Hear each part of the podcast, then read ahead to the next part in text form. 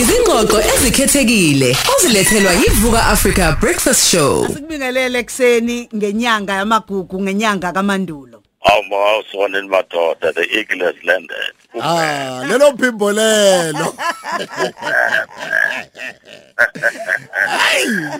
Bikelele, bikelele ukhosini, bikelele balaleli.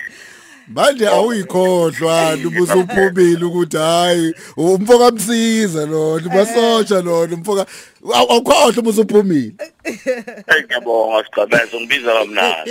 Masotsha msiza. Yebo. Yeah. Ngiyacabanga ukuthi noma angabe eya emkhulekweni mhlawumbe umeyikhulekela nje eyixoxela noNkulunkulu wakhe ubuya khohlwe naye athi hey na- baba uyangazi Ngiyambeka unkunzi." unkunzi baba baba abantu abamhlophe, abantu abamhlongo sebayi sebayi adoptile ke eh ibongo sika sika sikankunzi. Uthola noma uma bekhuluma eh nedlozi. Eh. Osumuntu athi nena Chomane, nena khule mina ngamalandela. Nena nkunzi ebomvu mhlongo. Hey madoda abantu abaningi bakuthandela eh, ikhono nalo bakuthandela ukuhaya inkondlo eh bakuthandela eh, ukulingisa eh bakuthandela ukucula bakuthandela nje ukuba iciko kwakho. Bathi cha ingekho kubalekile ukuthi yiba kanye nathi la kuvuka Africa Breakfast Show namhlanje. Sizoxoxa nawe nje kungulesihlanu mhlawumbe uma ngabe sikhuluma ngamagugu.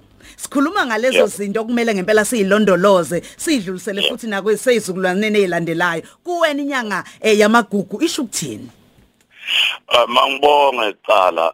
Ngibonga ukuthi ningamukele studio, ngibonge uthando olungaka. Ngibonga umusa nje, ngibonge eh kumvele nqangi, ngibonge futhi ke eh na nasebantwini bakithi abadala.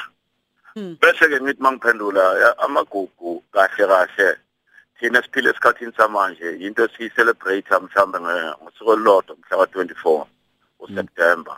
Noma mhlambe sithi inyanga kaSeptember inyanga kuphela. Kodwa emandulo okuyinto ya everyday njalo nje makushona ilanga bokuba ne-storytelling Yeah. ekhaya. Uthola ukuthi ugogo mhlambe empilweni noma ngaphandle esihlahleni i-storytelling yiso esasisebenzisa. Kwakuyona ama-soapy wethu ku- kuwona ama-series wethu lapho sasidlulisa khona ama-morals sakha isimilo eh ebantwini eh siba educator eh and then siba informer futhi. Sikwazi ukuba ukubakha ukuthi kusasa bakwazi ukuyimela. Mm, ngale- kubaluleke kakhulu. nga- kulesi sikhathi esikusona kanje manje sisizukulwane so Twitter no Facebook eh Yeah. se social media kuyagijinywa kuyaphuthunywa kwenziwa lokho nalokho eh imhlangano nani nani o visual meeting tontoni kubalengani ukuba siwagcine amaciko ethu ukulondoloza namasiko ethu nobuciko bethu esiphila kubo?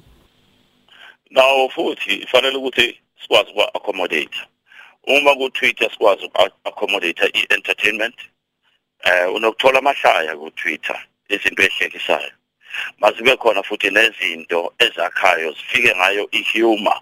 Ingakho mawuthola kukhona thina onkunzi uma si actor sikunika message sikunika message in a way yokuthi uzokuhlekisa ngendlela ukuthi sideliver ngakhona kodwa ekugcineni usala nomyalezo u- utholile. So ku Twitter nakuzo zonke lezi ku social media sikhona isikhala.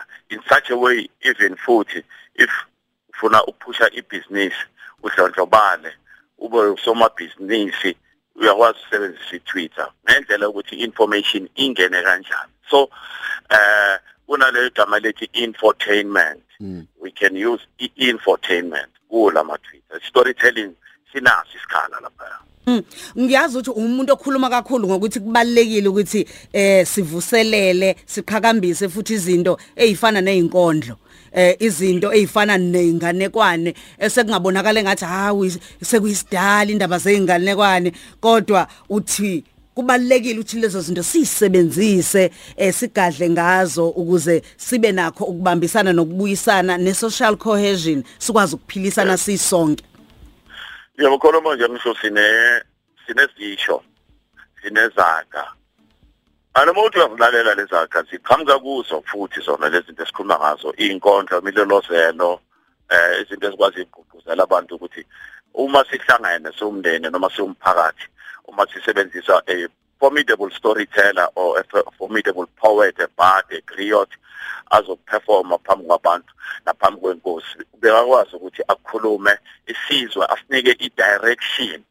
Manje kulesikhathi samanje masibuka eh kukhona izisho ezifana nokuthi sobohla amanyosi umanyosi umuntu owayephila vele kudala kodwa wayedla imbuzi ayiqede eyedwa encishana walamba umanyosi and then manje kwathiwa yaza sasho ukuthi sobohle amanyosi our proverbs and our idioms vele zisuka khona lapha entweni ezenze kusho manje storytelling siza ngendlela ezi- ezihlukahlukene khona ama legends njengale ngisanda kuyisho i-legend ezihambisana nomlando bese khona i-myth i-myth ile ukuthi manje umhlaba udaleke kanjani? Ilezi ekhuluma ngomvelo inqangi nomkhubulwana bese kuba khona lezo kuthiwa ama fairy tales. Yabona uma sokhuluma ngama fairy tales ilezo sokhuluma ngama chocolate mountains and military rivers. Ilezo entertainer yezo njalo njalo izitori zethu kusho ukuthi uma usiletha in a way yokuthi you make people smile you make people always salivate and and and and for more. Is how ke izitori zethu ziba ne-impact ebantwini? Ungasilethela yini ukumamatheka nje ekseni singabantu baseAfrika? Asibusise nje Eh, nje, ngokuthanda ngokukodwa nje ke simamatheke nje. Uyabona ukuthi uma ukhuluma ngentaba kodwa ungakhulumi ngayo usho enye into kodwa ubusha intaba. Uyabona nje ukuthi ukhuluma ngesihlahla kodwa usho isihlahla kodwa usho isihlahla. Ikuphi nje onga uthi noma ukhuluma nje ne- ngenyamazane eh. nyama ini uyithobe uma ukhuluma ngentombi yakutsheni ukuthi awubheke nje indlela mengayo ngathi intaba zasemabeshane uyabona ukuthi awushukela mthini yabona hayi koma manje ngane cela inamba bhuti. Ngiya- ngiyathemba ukuthi mhlambe futhi eh, sigqemeza ngasinika nje stanza eh, esisodwa nje athi nje qa qa qa qa qa eh, singakaqhubeki eh, bese siyoyivala indaba. Alright, kodwa asimele specific nisho mhlambe e- eyothando noma yani. Kodwa ngizothatha ke mina la la ningibeka khona eh liyadelela lona ilanga likubona nsuku zonke. Iyadela yona inyoni endiza ikubuke mihla yonke. Ngisho lo mthombo phuza ngona ungangomele mina. Mina ngiphuzitile ngena shukela kepha linambithi uma ngikucabanga. Liyadela lelo cansola la kulona ungangiphuphi mina.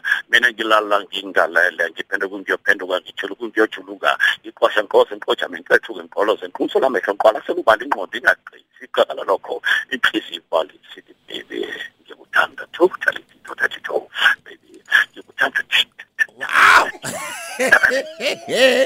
hayi uzuqedile ngiyababona nje sisi bayacibilika manje. Bethu yini? Khona okuhlanganisile esingathi masifuna ukukusupporta sihambe siyothenga eh phela umlando njengalona kumele nje sigcine siwuzwa kanje radioweni sikwazi ukuthi siwuthole uqophile? Ngicela ngokusungula i-Ignite the Mind Academy. I-academy ukuthi manje ukuthi ngizo-operate ngingedwa as umasotsha. It's not fruitful. Kuzophela umasotsha naye mayiphela. yeah. Manje i-academy izokwazi ukuthi abanye abantu ngibathathe ngibafake phansi kwe-academy sebajoyinile abaningi. Eh namanje joine eh abafana kuthiwa i-Jewel M banikwe mina leli gama. Nabanye futhi gifted of God Yeah. but we are still looking for more abantu abazojoina i-academy. From i-academy sasungula i-ignite music. Sangena endlini zokuqopha ke ke umculo. Eh saqopha khona ingoma nje ephumayo namhlanje nakusasa iyaphuma kuwo wonke ama digital platform. Mm ithi ithi le ngoma? Ibizwa eh ibizwa ngokuthi inkosi. Okay. Njengoba le hayi inzima kakhulu inzima kakhulu ngoba eh abantu khona manje babhekana ne depression Mm. abantu baphelelwa umsebenzi abantu baphelelwa amathemba. Nengoma iyakwazi ukuthi cha nasemandulo abantu bake bahlangana nezinto eziworse kunalezi. Yeah. Banqoba eziworse kunalezi kodwa baphila ngani ngokuthi basondela kumvele inqangi basondele kumdali wabo ngakho ke masithi inkosi sisho ukuthi inkosi sithathe namavesi laphana kuyi Jeremiah 1 verse 4 Mm. ukuthi ngakwazi ingakafaki Yes. usehlwile siswini sikama wakho la ku Jeremiah 29 verse Mm. 11 lapho isho khona ukuthi I have plans to prosper you and Mm. not to harm you hayi asivele sigijime siye kuyosizwe sibeke namhlanje siphumile umuntu sengakwazi ukuthi ayoyithola kuma digital platforms zobiphuma namhlanje. Eh bathole na ku YouTube kungekhona na kusho ukuthi nje mabangena nje kuma social media bathi masocha msiza bakhulumisane nathi. Nalabo abafuna ukujoina baningi abantu abafuna ukuthi nabo umsebenzi wabo uvelele bangajoina ku Ignite the Mind Academy sine page layo ku Facebook kwezintweni eziningi nje mabalandele umasocha msiza bazoyithola. Mfethu sabonga kakhulu kube nathi Asonke msiza ihambisana ne 12M betting Nkosi yanga yamagugu. Siqhambiso kwethu siphinde siqophe singagcini ngokuxoxa kuphela. Ingane zethu sinuzi Danke Maria. Danke Jehova.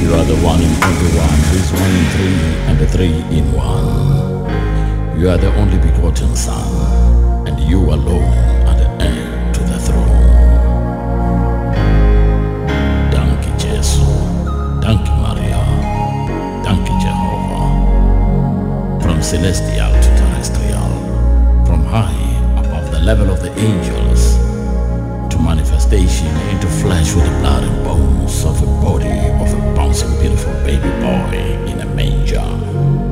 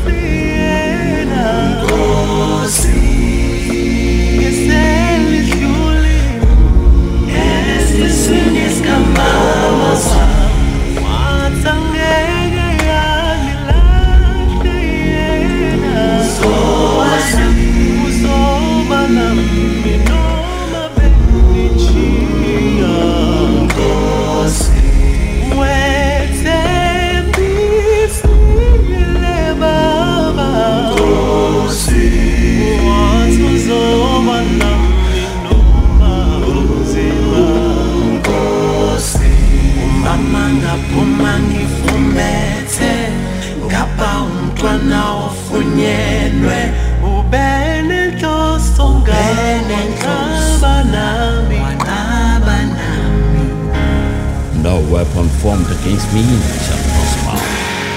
My Lord, you are my shelter and shield. You are the shepherd of the sheep. You are the leader of all leaders and legislators, the governor of governors. You are the Prince of Peace, the Prince of Righteousness, the Prince of Princes, the Prince of Pastors, Preachers, Politicians, and the precisely prominent, paramount, and presiding presidents and prime ministers in parliaments, high places and low places. You are the Lord of Lords, and you are the King of Kings, my Lord. Nkosiyami, Nkosiyami. Le le yivuka Africa Breakfast Show. ukhozi FM Luhamba phambili. phambili